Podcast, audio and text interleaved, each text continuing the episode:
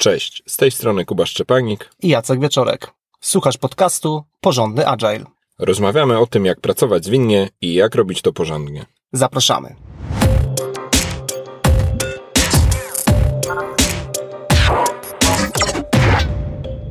W dzisiejszym odcinku poruszamy z Kubą temat facylitacji spotkań. Jest to temat, y, z którym spotykamy się na co dzień pracując z klientami i dostrzegamy, że pomimo już może wydawać się, że jest to taki temat dosyć prosty, można powiedzieć oczywisty, no bo przecież co to za problem e, zrobić e, spotkanie, no to rzeczywistość pokazuje nam, że mm, no nie zawsze to wygląda tak kolorowo. Mm, I pomimo, iż poruszymy dzisiaj naszym zdaniem takie absolutne podstawy, no to widzimy sporą przestrzeń e, na rynku, żeby takie podstawy zaczęły funkcjonować w zespołach.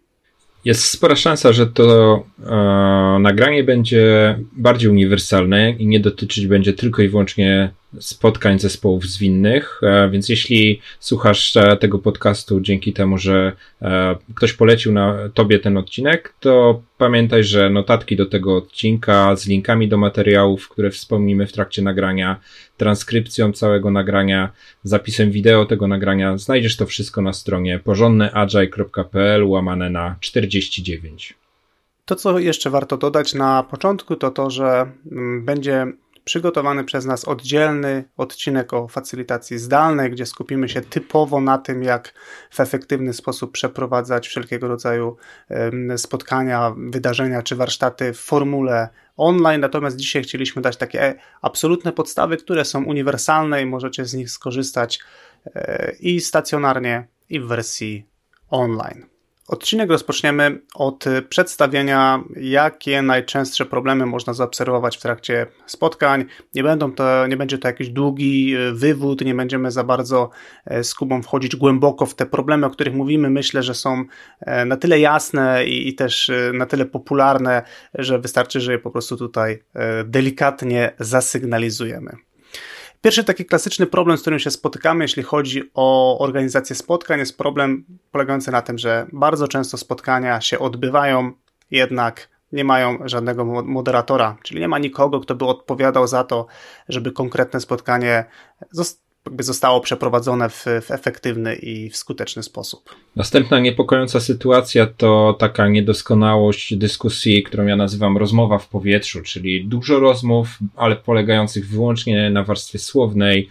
E, wyobrażamy sobie, co druga strona w w dyskusji ma na myśli, ale kompletnie tego nie widzimy i wielokrotnie z tego powodu się mocno nie dogadujemy. Innym popularnym problemem jest e, chaotyczna dyskusja, chaotyczna rozmowa, czyli takie spotkanie, gdzie tak naprawdę trudno powiedzieć, czy, czy za tym całym spotkaniem stoi jakaś konkretna myśl, jakiś konkretny pomysł. Ktoś coś mówi, e, ktoś inny się odzywa. Właściwie całe spotkanie przegadujemy, jednak no niekoniecznie to prowadzi do jakichś konkretów. E, następnym problemem to to, że mamy poczucie zmarnowania czasu. Dyskusja się toczy, zatacza może drugie lub trzecie okrążenie, nie ma z tego żadnych rezultatów, nie podejmujemy żadnej decyzji, e, nie wyciągamy żadnych wniosków, e, mamy poczucie kompletnego marnowania czasu.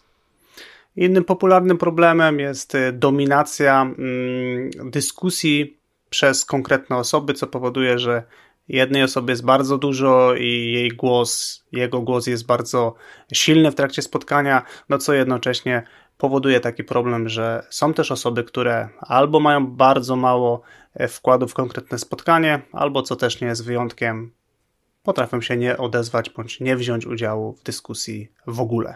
Niektóre spotkania mogą e, sprawiać wrażenie bardzo pospiesznej rozmowy, takiej rozmowy w stylu kłócących się polityków. Kolejne osoby się przekrzykują, nie ma czasu się zastanowić. Każda wypowiedź musi być e, wtrąceniem wypowiedź innej osoby. E, wszyscy mają poczucie takiego pędu, biegnięcia.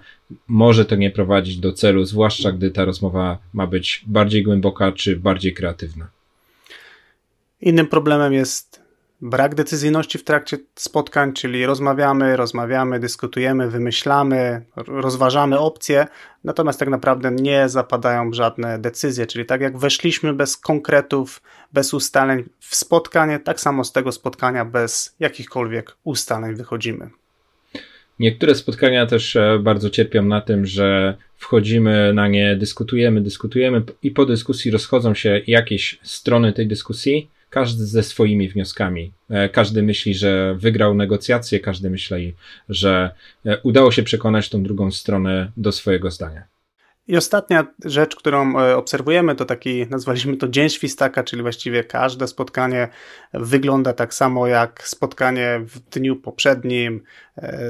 Podobny styl prowadzenia, podobnie często nieefektywne. No i tak naprawdę mamy wrażenie, że no na tej warstwie takiej, jak realizujemy spotkania, nic się nie zmienia i tylko delikatnie zmienia się content, no co często nie jest wystarczającym bodźcem do tego, żeby te spotkania e, zyskały na mm, efektywności, czy żeby zaczęły przynosić wymierne rezultaty. Ale dość narzekania. E, myślę, że wszyscy byliśmy w, e, w przynajmniej raz w podobnych sytuacjach, które wymieniliśmy wcześniej. Natomiast cały odcinek chcielibyśmy poświęcić temu, jakie kwestie można zrobić, jak można spotkania ustawić, jak można nimi zarządzić, jak można je moderować, żeby nie wpadały w te pułapki czy w te niedoskonałości, które wymieniliśmy potraktuj je jako pewną przemyślaną e, podstawę. Tak jak Jacek wspominał na samym początku, pewnie da się powiedzieć o tym wiele więcej, ale od czegoś trzeba zacząć. A propos zaczynania, to pierwsza rzecz, która mi przychodzi do głowy, tak też chronologicznie patrząc na spotkanie, to to, żeby na początku spotkania sobie to zdecydowanie tutaj ustalić, zdefiniować, kto prowadzi spotkanie, kto jest osobą, która odpowiada za to, że to spotkanie ma efektywny przebieg, kto jest osobą, która odpowiada za moderację taką osobę trzeba ustalić. Czasami to może się samo nasuwać, na przykład jeśli pracujemy z Scrumem, to e, może to nam się mocno nasuwać, że może to jest Scrum Master, może w niektórych przypadkach Product Owner, ale zwłaszcza jeśli mamy to niedogadane, to sobie to przypomnijmy albo po prostu zdefiniujmy i ustalmy. No i oprócz tego, że ustalamy, kto ma prowadzić spotkanie, kto ma je moderować, to ustalmy też, e, jakie ta osoba ma uprawnienia, co to znaczy dla nas moderować i to można zrobić albo przez jakąś e, bardzo zamkniętą definicję, albo bardziej może przez przykłady. E, wśród przykładów przede wszystkim zwróciłbym uwagę, że chodzi między innymi o to, e, jak e, mogę przerywać komuś dyskusję, jak mogę kogoś aktywizować w tej dyskusji, jak mogę grzecznie, ale jednak przypominać o celu spotkania i tego typu moderacyjnych, powiedzmy, technikach, które e, mogą być trudne, jeśli e, ja mam w swojej własnej głowie obawę, czy ja mogę przerwać, albo druga strona ma przeczucie, nie, ty nie masz prawa mi przerywać, ja jestem od ciebie starszy stopniem, więc jak ja 5 minut mówię, to ty 5 minut słuchasz, a nie próbujesz mnie tutaj naprowadzić e, na jakiś cel dyskusji. No i myślę, że taki kontrakt prowadzącego z grupą jest super ważny. No, pomijając sam fakt, że dojdzie do jakiejś umowy, to mm, najczęściej takim pozytywnym skutkiem ubocznym jest w ogóle to, że rozpatrzymy pewne e, dostępne opcje, które są na stole, na pewne rzeczy się zgodzimy, na inne rzeczy się nie zgodzimy. No i sama ta dyskusja z mojej perspektywy już jest wartościowa dla całej grupy, no bo dla niektórych osób pewne aspekty, które są istotne, czyli na przykład, nie wiem, e, tak jak powiedziałeś, czy stopień, który mamy w organizacji, w sensie strukturalnie, czy ma znaczenie, no w szczególności dla osoby, która jest nowsza w organizacji, jeżeli usłyszy słyszy tak bardzo wprost, że e, to nie ma znaczenia, kto gdzie pracuje, bo tak naprawdę tu w tej przestrzeni od tej godziny do tej każdy głos się liczy tak samo, może to być bardzo e, wzmacniające. E, natomiast taka jeszcze myśl, która mi przyszła, jak słuchałem tego, co, co mówisz, Kuba, była taka, że parę razy się już spotkałem z takim komentarzem, ale przecież my jesteśmy samoorganizującym się zespołem, no więc jak osoba prowadząca, przecież jest samoorganizacja i tak dalej. No i oczywiście to jest tutaj pewien, pewien błąd w myśleniu, to, że zespół się samoorganizuje nie oznacza, że e, zabronione jest e, wybranie osoby, która będzie jakąś tam konkretną e, funkcję pełnić z mojej perspektywy ta samoorganizacja mm, może się przejawiać tym, że samodzielnie wybierzemy tą osobę, a nie zostanie ta osoba na przykład nam przydzielona. E, no natomiast y, absolutnie nie jest tak, że samoorganizacja oznacza, że nie wiem, nie ma osób, które mogą wejść w jakąś konkretną rolę czy pełnić jakąś konkretną funkcję. Dopóki zespół bierze udział w tym i dopóki to nie wychodzi poza pewne ustalone e, ograniczenia, często mm, jakby nakładane przez organizację, z mojej perspektywy jak najbardziej to jest ok, a wręcz bym powiedział, że rekomendowałbym takie ustalenia.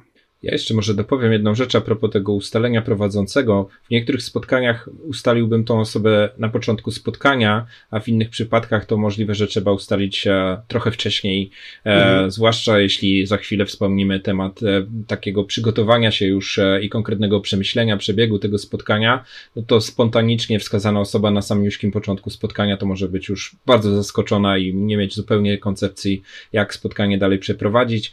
Jeśli mamy spotkania regularne, cykliczne w zespole, to możliwe, że jest to prostsze i można nie za bardzo się wielce zastanawiać, tylko po prostu trochę tak nazwę prowadzącego w ostatniej chwili ustalić.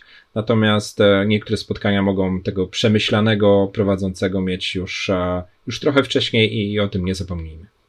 No i tak, które płynnie przechodzimy do, do drugiej porady, która brzmi przygotuj strukturę spotkania.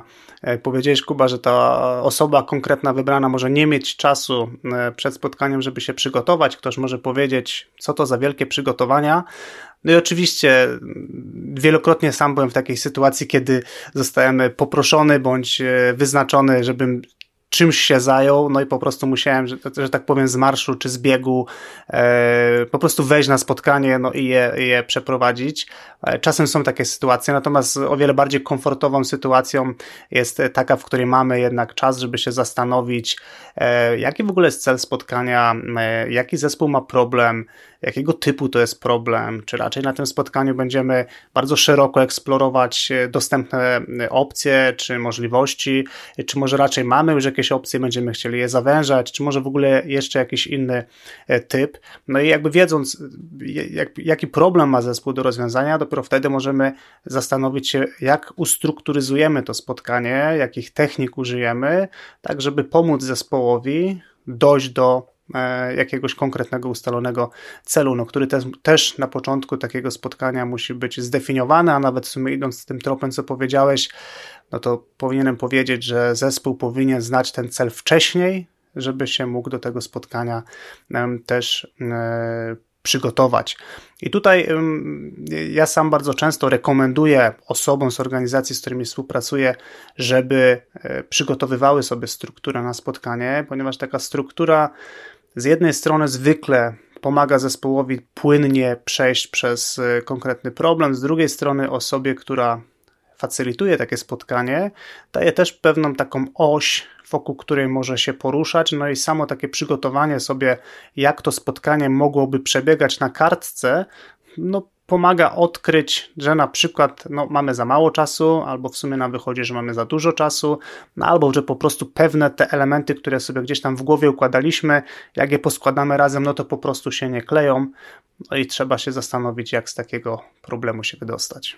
Idąc też tym tropem e, przygotowania planu, jak już go mamy przygotowanego, to pewnie fajnie też go pokazać e, zespołowi e, żeby wszyscy uczestnicy ewentualnie w ogóle po pierwsze zdawali sobie sprawę, przez co będziemy przechodzili, więc to nie będzie tylko agenda e, albo jeden, jedyny temat spotkania, na, dla, dla którego się spotkaliśmy, ale to może być też pewna struktura, na przykład najpierw rozważymy opcję, potem zdecydujemy, która jest e, dla nas najważniejsza i na końcu podsumujemy sobie plan działania. E, to daje bardzo jednoznaczny sygnał całej zebranej grupie roboczej, jaki mam pomysł jako prowadzący spotkanie, mhm gdyby się ze mną nie zgadzali już na poziomie pomysłu, to nie będą mi tego sabotować w środku, gdy ja będę już w połowie realizacji pewnej struktury, a oni nagle powiedzą, ale po co my w ogóle o tym rozmawiamy? Więc tutaj jest wiele korzyści. W najgorszym scenariuszu, żeby wcześniej odkryć, że mamy problem, a prawdopodobnie jednak w takim pozytywnym scenariuszu po prostu jesteśmy bardzo przejrzyści i rysujemy pewne wyobrażenie, czym to spotkanie będzie, e, co dalej nam, nam pozwoli też w pewien sposób panować nad tym spotkaniem. Jeśli na przykład pokazujemy dobrze, to skończyliśmy pierwszą część, teraz mhm. przechodzimy do drugiej części. Więc tutaj e, ta struktura spotkania, oprócz przemyślenia w swojej własnej głowie, to co powiedziałeś Jacek, ty, ona może też nam po prostu później już służyć jako takiego swego rodzaju rodzaju spis treści, ale również pewna instrukcja obsługi, e, jak będzie to spotkanie przebiegało, co bardzo pomaga, e, co może być też między innymi bardzo pomocne w przypadku spotkań na trudne tematy, gdzie mhm. gdzie sam fakt tego, o czym rozmawiamy, już jest taki stresujący, może być e, bardzo emocjonujący, no to tym bardziej jeszcze się nie denerwujmy tą warstwą, a w ogóle o co chodzi, dlaczego ty zadajesz pytania, albo dlaczego idziemy to w tę czy, czy, czy w inną stronę. Następną radą, którą dorzucimy do tego konceptu przygotowania pewnej struktury, to jest e, zarządzanie czasem spotkania. Czyli jeśli mamy już przemyślany program, możemy dodatkowo mocno się zastanowić, e, ile czasu byśmy chcieli poświęcić na jego poszczególne części, na części e, spotkania, czy jakieś konkretne techniki, które w ramach danego tematu chcemy przepracować. To jest oczywiście bardzo orientacyjne, więc nie trzymajmy się tego tutaj jakoś nadmiernie ściśle, ale jeśli mamy to spotkanie na przykład y, bardzo intensywne, nie mamy za dużo czasu, y, to wtedy może warto się zastanowić i rozplanować sobie ten czas e, mhm. i jednak w grupie również e, zasygnalizować, jak, jak ten czas się e, no, mamy w planie rozłożyć, jak mamy w planie również go opilnować. No i gdy już mamy to rozpisane, to również e, w jakiś sposób grupie dawać sygnał o tym, że ten czas upływa. Fajnie, jeśli mamy wszyscy widoczny w jakiś sposób zegarek, e, to może być jakiś zegar, który jest bardzo łatwo dostępny, to mogą być jakieś e, narzędzia wspierające facylitację, jak takie zegarki time timer, które czasami używamy na szkoleniach. To może być zegar widoczny na ekranie, ale wszystko, co sprawia, że to poczucie upływającego czasu jest jakoś wzmacniane. No i osoba, która spotkanie facylituje, również może w jakiś e, wdzięczny, spokojny sposób, ale przypominać również o tym, że ten czas e, najpierw, że upływa, a potem być może, że również po prostu upłynął. I mm, moje doświadczenie jest takie, że mm, dobrze, dobre zarządzanie e, czasem spotkania może spotkać się z taką informacją zwrotną od grupy, że fajne tempo było że tak było czuć, że na nic zbyt wiele czasu nie, nie spędziliśmy, nie było takiego poczucia, że się pojawiły jakieś off-topiki przesadne i tak dalej. I co ważne, jakby to można uzyskać jednocześnie nie wchodząc w taki tryb, gdzie traktujemy ograniczenia czasowe jako coś absolutnie nieprzekraczalnego.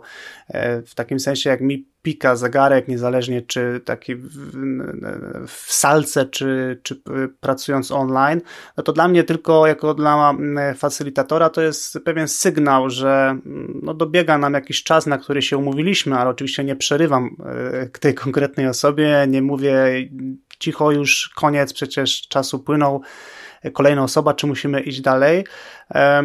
Tak więc jakby tutaj myślę, że kluczowe jest to zarządzanie czasem, czyli to nie oznacza, że tak jak sobie zaplanowaliśmy, to teraz choćby się wszystko waliło, musimy dokładnie tak przejść przez to spotkanie w tych ograniczeniach.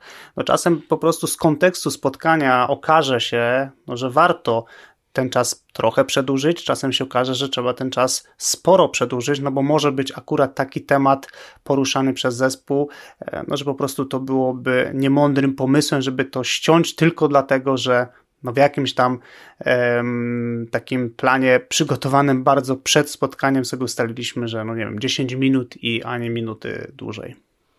Ale idąc tym tropem trochę przez odwrotność, e, dobrze sobie założyć e, dosyć ograniczony czas na pewną dyskusję, e, żeby w najgorszym razie po prostu sobie bardzo świadomie powiedzieć, że ta dyskusja nam się przedłuża, bo jest wartościowa, a nie na odwrót, że tak skończymy dyskutować, gdy skończymy dyskutować. Bo to jest mhm. akurat dosyć prosta recepta na to, że te spotkania będą się albo bardzo przedłużać, albo bardzo nierównomiernie rozkładać, czyli bardzo długo czasu, bardzo dużo czasu poświęcimy na temat e, z początku listy czy z początku programu, a potem na ostatnią chwilę tak już e, sprintem będziemy domykać wątki, żeby się zmieścić w czasie, co też jest e, potencjalnie bardzo groźne.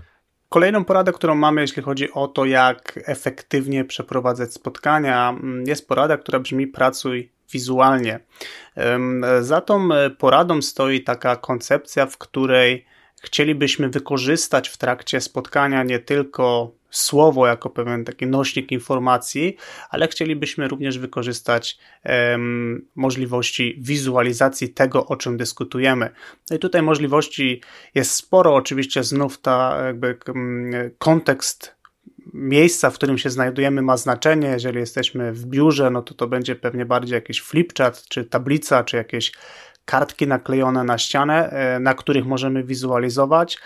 Jeżeli pracujemy zdalnie, no to oczywiście tutaj się pojawia cała paleta najróżniejszych e, narzędzi, które mogą nam zasymulować e, czy tablice, czy chociażby nawet jakiś współdzielony program pozwalający nam pisać no, w jednym czasie, no to już to jest jakieś rozwiązanie. I no, generalnie ja nadal, w sensie to stosuję w praktyce to, to podejście, ale nadal jestem zaskakiwany przez to, jak dla wielu zespołów uruchomienie takiego trochę myślenia wizualnego, trochę po prostu takiej pracy wizualnej, jak bardzo to te zespoły wynosi na zupełnie nowy poziom.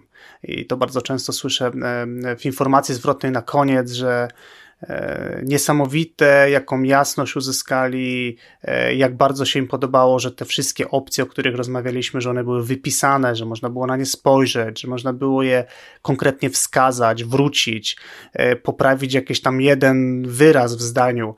Wszystkie te rzeczy są z mojej perspektywy bardzo trudne, jak nie niemożliwe do uzyskania, kiedy e, tylko słowo wisi w powietrzu. Jakby nie uchwycimy tego tak dobrze. No a z drugiej perspektywy też e, pamiętajmy, że są osoby, które e, po prostu trochę łatwiej przyjmują treści w które są przedstawione w sposób graficzny. Mm, tak więc no to też jest takie myślenie z perspektywy, żeby używać szerokich takich nazwijmy to środków komunikacyjnych, no, które spowodują, no, że i ta osoba, która woli słuchać i ta osoba, która trochę bardziej woli patrzeć, obie one zostaną w jakimś tam stopniu e, zaspokojone. E, mówiliśmy trochę o takich rzeczach, e, gdy wspominaliśmy o narzędziówce pracy Scrum Mastera. Ja tylko wspomnę e, kilka praktyk, które związane są z taką wizualizacją pracy. To na pewno może być kodowanie informacji kolorami, to mhm. może być jakieś układanie informacji na jakichś płaszczyznach, a może w ogóle na większej liczbie wymiarów, zwłaszcza jak dodamy właśnie jakieś formy kodowania kolorów, czy, czy wzorów, czy symboli, czy jakichś przesunięć. Zwłaszcza jeśli pracujemy nad czymś kreatywnym, nad czymś, co ma wiele opcji, to tak naprawdę może sobie właśnie zaprezentujmy wiele tych opcji, żeby one były obok siebie, żeby można je było porównać, zobaczyć tak bardzo namacalnie różnice i to jeszcze tak najlepiej w jakiś taki uporządkowany sposób. To jest fajne miejsce, żeby i osoby o trochę bardziej artystycznej duszy pewne rzeczy widziały e, i osoby, które lubią pewne uporządkowania, to da się zebrać w takiej wizualnej pracy e, w bardzo, bardzo prosty sposób. Jest jeszcze taki wątek związany z tym, jak e, w ogóle rozumiemy to, o czym dyskutujemy. No i często taki czysty język polski, że tak to nazwę, z, z niedoskonałością, z jakimiś skrótami myślowymi, z jakimiś takimi zapętleniami, ale również z opcją na to, że różnie możemy interpretować pewne myśli. To może być bardzo mało i jakby dokładanie tego bogactwa komunikacji e, czy to poprzez właśnie pokazanie sobie różnych materiałów, czy poprzez wspólne kreowanie, to po prostu ma szansę dać dodatkowe korzyści, w najgorszym razie na pewno nie, nie zaszkodzi. Nie, nie spotkałem jeszcze przypadku, żeby to szkodziło. E, co najwyżej po prostu do tego, kto coś mówi, jeszcze jest dodatkowo taki, no nazwę to obraz, e, który tylko jeszcze dodatkowo wzmacnia ten przekaz. Tu jeszcze tylko w sumie jeden komentarz, Kuba, że e, de facto takie podejście wizualne automatycznie nam dokumentuje i przebieg rozmowy, i też najczęściej konkretne ustalenia, więc odpada nam temat, że to teraz musimy jeszcze dodatkowo zasiąść i to podsumować, to może, nie wiem, pomysł jest, że tam, nie wiem, Tomek, to ty podsumuj, no i Tomek pięknie podsumowuje swoimi myślami, swoimi słowami, tak jak zrozumiał, no i to jest bardzo dalekie od tego, co sobie wytworzymy razem z zespołem. Tak więc też jest taki plus, że de facto nazwijmy to e, za darmo w tle nam się tworzy pewien taki zapis, do którego możemy wrócić. To mogą być szkice, jakieś diagramy, koncepcje. Je można podłączać e, pod jakieś zadania, umieszczać w odpowiednich miejscach w organizacyjnej przestrzeni. No i po prostu mamy, nazwijmy to za darmo, bardzo fajny artefakt, do którego można wracać. Dokładnie tak. Do podsumowania spotkania jeszcze e, wrócimy. To ja przejdę do następnej porady. Poradę, którą bym nazwał balansuj czas wypowiedzi uczestników. E, pewnie niejednokrotnie byliśmy uczestnikami takich spotkań, e, w których e, ktoś bardzo dominował, ktoś, kto może jest bardziej otwarty komunikacyjnie, tak po prostu ma, że lubi dużo powiedzieć, może ma dużo do powiedzenia, bo zna się na temacie, a z drugiej strony mamy też uczestnika na spotkaniu, który sam z siebie się nie wypowiedział, nikt mu czasu, przestrzeni i, i tutaj jakby okazji do wypowiedzi nie dał, no to całe spotkanie przesiedział w e, milczeniu. No i może się okazać, że po prostu nie skorzystaliśmy z e, potencjału tej osoby, nie skorzystaliśmy z okazji, żeby usłyszeć, jakie jest zdanie tej osoby. Może ta osoba ma zdanie odrębne, waha się, nie chce się z czymś godzić, a może ma świetny alternatywny pomysł do tego, co bardziej hałaśliwe osoby na spotkaniu wypowiedziały. Trudno winić osoby introwertyczne i ekstrawertyczne za to, że są jakie są. To jest wspaniała różnorodność i, i warto to pielęgnować. Natomiast rolą moderatora może być e, czujność na to, żeby e, dawać przestrzeń w miarę równomierną wszystkim uczestnikom, czy nawet jeśli byśmy tego nie liczyli tylko w stricte w procentach i, i, nie dążyli do jakiegoś takiego idealnego parytetu, to żebyśmy po prostu mieli okazję zobaczyć e, zdanie, czy, czy usłyszeć wkład ze strony każdego z uczestników. No, skoro uczestniczą w spotkaniu, to interesuje nas ich e, głos. Skoro mamy wspólnie rozwiązać problem, to rozwiązujmy go wspólnie, a nie tylko głosem tych, którzy w jakiś tam sposób dominują. I tutaj myślę, że możemy wrócić na sekundę do tej porady dotyczącej przygotowania struktury spotkania, że sensownie wybrane e, techniki na spotkanie e, zwykle pomagają nam w takiej nazwijmy to równomiernej aktywacji poszczególnych osób, bo tak jak oczywiście jak wybierzemy sobie taką technikę, w której każdy może się wypowiedzieć, no to powiedzmy, że tutaj mamy jakieś tam ryzyko, ale znów wsadzając to w ograniczenia czasowe, no to każdy ma minutę na wypowiedź, no i tylko tutaj jakby jakby zgrabność ruchów moderatora będzie powodować, czy ktoś przedłużył sobie o 10 minut, czy się zmieścił. Z drugiej strony e, możemy stosować różne techniki też w takim sensie, że to nie zawsze musi być e, mówienie, to może być e, na przykład jakaś taka praca pisana, że każdy przygotowuje, nie wiem, trzy pomysły. Tak więc znów możliwości jest sporo, warto o to dbać, w szczególności że możemy się y, mierzyć często z taką sytuacją, w której mamy osoby, które miałyby coś fajnego do powiedzenia, są nowe w organizacji, więc trochę się jakby jeszcze nie czują pewnie, natomiast mają super fajne konteksty i doświadczenia e, z innych miejsc pracy, no ale przez to, że nie czują się jeszcze pewnie, na przykład dołączyły do organizacji teraz w czasie pandemii, więc nie mają też szans, żeby tam z kimś się na kawie poznać czy na korytarzu, no też jakby spójrzmy z perspektywy tych osób i zadbajmy o to, żeby w taki maksymalnie różnorodny sposób umożliwić osobom e, wypowiadanie się. No, z mojej perspektywy to jest taki bardzo prosty sposób na to, żeby wprowadzić równomierne, w miarę oczywiście, tak jak Kuba powiedziałeś, e, zaangażowanie wszystkich uczestników. Kolejna porada, którą chcemy się dzisiaj podzielić, brzmi: pracuj ciszą. I może to zabrzmieć trochę dziwnie, na zasadzie, no jak, facylitator przecież musi mówić, dużo mówić. E, oczywiście e, e, żartuję sobie, to absolutnie nie o to chodzi. E, czasem wręcz musi być odwrotnie, czyli po pierwsze, jakby głos facylitatora musi być miarkowany, no bo nie on tam gra pierwsze skrzypce. E, z drugiej strony warto też zapewnić przestrzeń e, wypowiedzi dla osób, które się znajdują e, na spotkaniu. Bardzo często spotykam się z taką sytuacją, gdzie osoba, która moderuje spotkanie, zadaje pytanie. Dosłownie w momencie, kiedy kończy zdanie, jest sekunda na zgłoszenie się do odpowiedzi, ale właściwie już na początku drugiej sekundy słyszymy dobrze, dzięki, to przejdźmy dalej.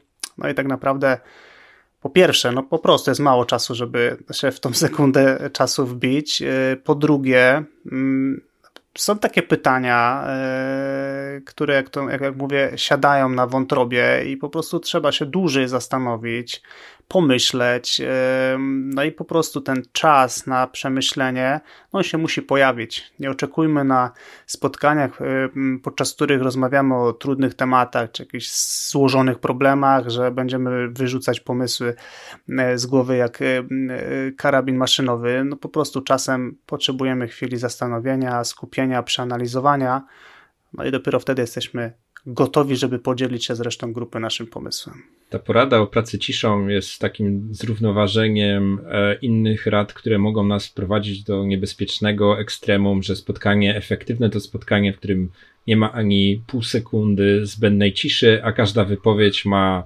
sens, jest w celu, jest zgodna ze strukturą. Pewne cisze są ok, dajmy ludziom się zastanowić. Jeśli rzucamy pytania otwarte, jeśli prosimy ich o wkład, jeśli e, dopiero w trakcie dyskusji pojawiają się jakieś nowe wątki, które nie, mia nie miały szans być wcześniej przemyślane, no to to przemyślenie jest częścią, tej, częścią spotkania, częścią tego, tego procesu dochodzenia. E, tak samo cisza niebezpieczna, bardzo zamykająca dyskusję, to cisza, która jest wykorzystywana, żeby natychmiast podłączyć się czy wtrącić się komuś, kto formułuje trochę wolniej myśli, być może e, szuka właściwego słowa albo skończył jedno zdanie i jeszcze tak widać, że zaczyna się zastanawiać, czy by jeszcze czegoś nie dopowiedzieć.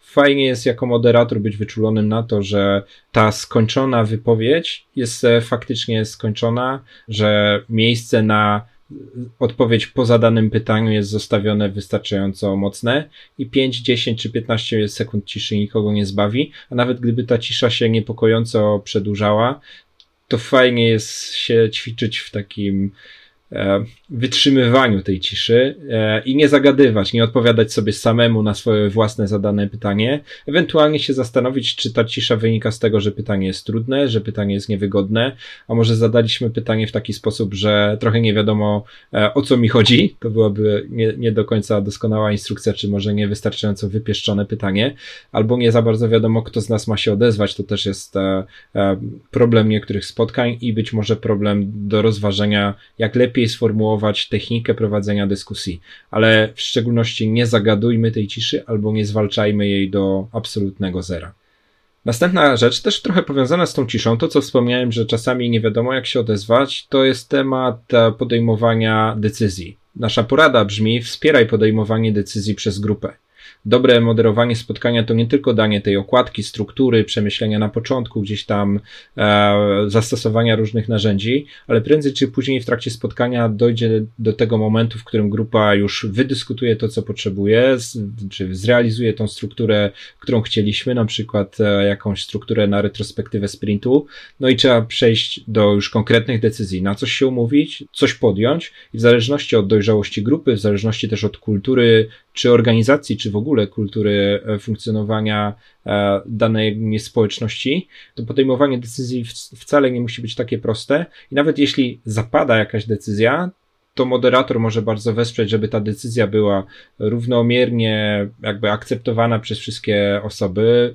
No i też e, powiedzmy, że ewentualnie zanegowana przez wybrane osoby, które być może nie będą miały aż tak wielkiej śmiałości, żeby dawać wielkie weto, ale gdy pozwolimy wybrać taką metodę podejmowania decyzji, żeby każdy się wypowiedział, ma możliwość zaznaczenia głosu odrębnego albo kontrpropozycji czy usprawnienia propozycji. I żeby iść przez e, jakieś e, konkrety, e, mam tu na myśli umiejętne dopasowywanie metod głosowania, czy metod wybierania, bo to może być właśnie głosowanie, i wtedy ważne też, żebyśmy wiedzieli, jak głosujemy, czy jednocześnie głosujemy, ile głosów potrzeba, żebyśmy podjęli decyzję, czy większość, czy wszyscy, czy jest jakiś próg. Miejmy tego świadomość i to moderator może być tym kimś, kto to ustanowi, e, a może podejmujemy e, decyzje poprzez takie długie dyskusje, na końcu których jakby samo wychodzi. Tu się obawiam, że to samo wychodzi to jest takie najbardziej intuicyjne i jednocześnie najbardziej ryzykowne. Mocno polecam e, praktyki często stosowane w podejściu zwinnym, takie jak głosowanie kropkami, czy po angielsku dot voting, a sam najchętniej e, propaguję w swoich zespołach Decider, czyli jedną z praktyk z e, kluczowych protokołów państwa McCarthy. O ile pamiętam, to o Deciderze opowiadaliśmy w jednym z poprzednich odcinków. Na pewno podlinkujemy do tego konkretnego odcinka w transkrypcji. E, natomiast to co, e, to, co chciałem dodać do tego, co Kuba mówiłeś, to to, że e, warto dobrze umówić się, jeśli chodzi o to, jak głosujemy, to co powiedziałeś. Przykładowo, taką ciekawą techniką, z którą się spotkałem, to jest technika, w której kropki mogą mieć różną wagę. To jest, to jest taka technika, którą spotkałem w książce Sprint Jake'a Knappa, E, gdzie osoby, nie, dokładnie nie pamiętam, w każdym razie to były osoby biznesowe w całym procesie e, walidowania jakiegoś konkretnego pomysłu rozwiązującego jakiś konkretny problem. One miały, no wizualnie akurat to przedstawiając, większe kropki, czy one były większego koloru. I to też jest ok, żeby się na coś takiego umówić, e, żeby była jasność, no bo czasem po prostu rzeczywistość jest taka, no znów, ktoś może krzyczeć, że samoorganizacja yy, i okay, natomiast no, mogą być sytuacje, w których czyjś głos z jakiegoś tam powodu może mieć inną wagę i to z mojej perspektywy jest ok, jeśli tylko się na to umówimy wcześniej jeżeli tylko wszyscy wiedzą to przed spotkaniem yy, i nie ma niespodzianki w trakcie spotkania, że nagle ktoś dostał yy, większe kropki, czy, czy ma tych kropek po prostu więcej.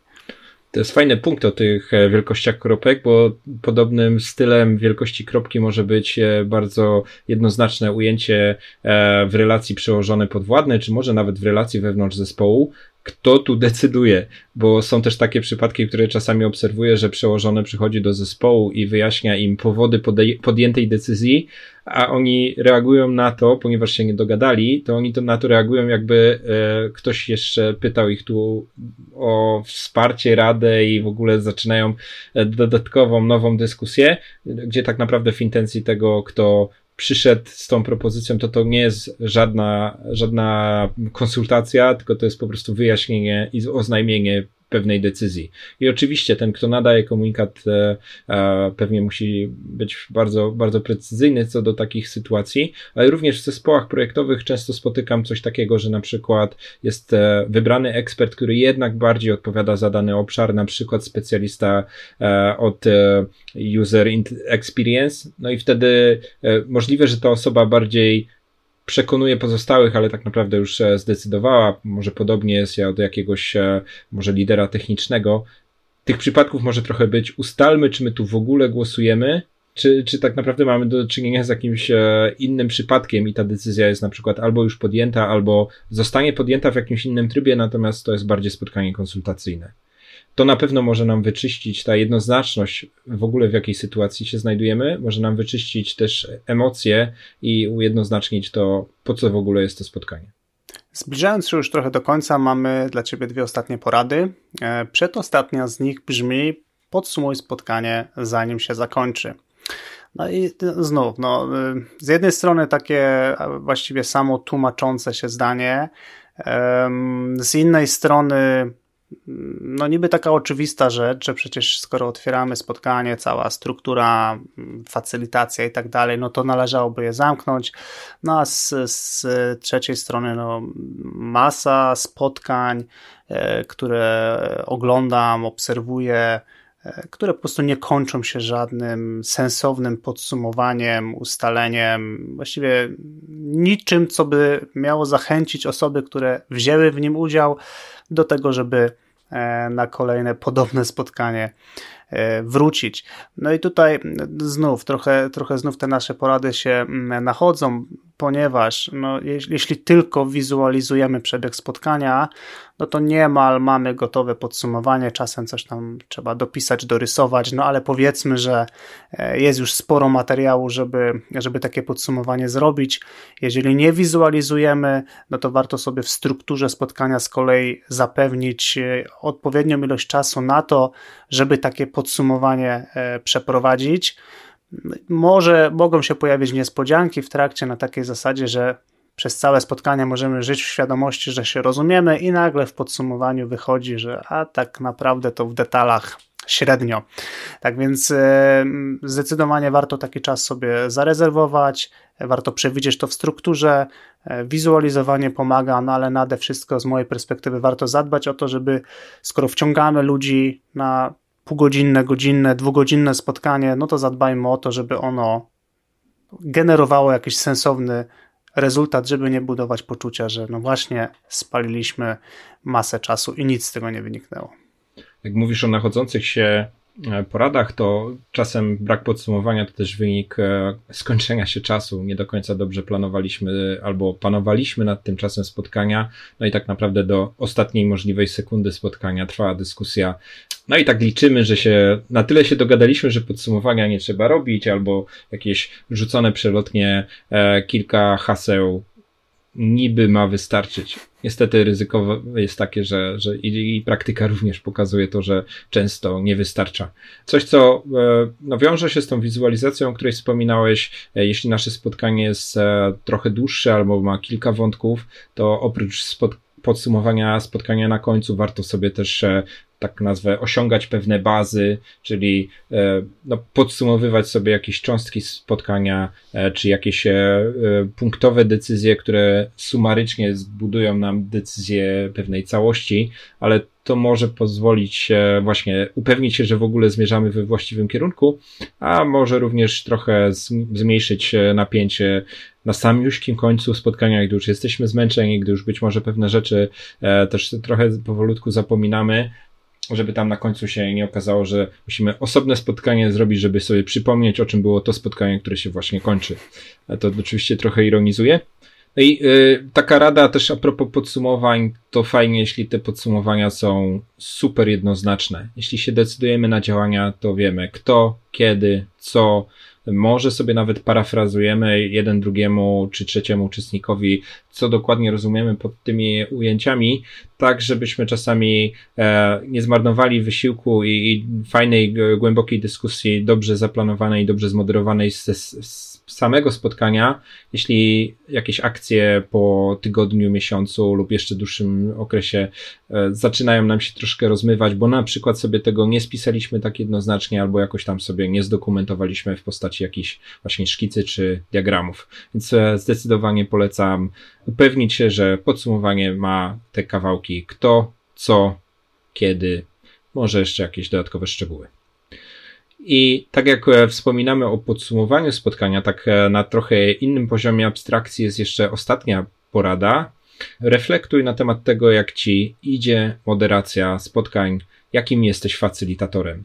Zakładam, że e, słuchasz tego odcinka, ponieważ albo wchodzisz w tą rolę, albo uczestniczysz w spotkaniach, które nie do końca są efektywne. Warto się zastanowić, jak te, jak, jakie czynniki wpływają na tą efektywność, jakie umiejętności ty posiadasz, jaka jest kultura współpracy i, i dyskusji na spotkaniach i co można zrobić, żeby je e, zmienić, żeby je usprawnić. Na to jest, jak to mówi nasz e, wspólny kolega, mnóstwo literatury. E, można podpatrywać techniki u innych praktyków, można samemu eksperymentować natomiast zdecydowanie trzeba sobie zdać sprawę, że to jest, e, jest jedno z wielu zagadnień, które e, przychodzi dzięki ciągłemu usprawnianiu się, doskonaleniu, reflektowaniu. No, nie zagra nawet najlepsza praktyka, która jest powtarzana bezmyślnie, ciągle taka sama. I też wraz ze wzrostem dojrzałości zespołu firmy prawdopodobnie będziemy potrzebować ciągle lepszych, ciągle głębszych technik e, związanych z facylitacją spotkań. Ja bym tutaj jeszcze dodał, że mm, oprócz takiej samorefleksji warto zapytać po prostu osoby, które były na spotkaniu, poprosić o informację zwrotną. E, wielokrotnie stosowałem takie podejście, w szczególności jak byłem w takim okresie swojego życia, kiedy bardzo mocno eksperymentowałem ze strukturami. E, moje wyobrażenie, co może być fajne, a wyobrażenie osób, które faktycznie to realizują, bywało, że się różniły.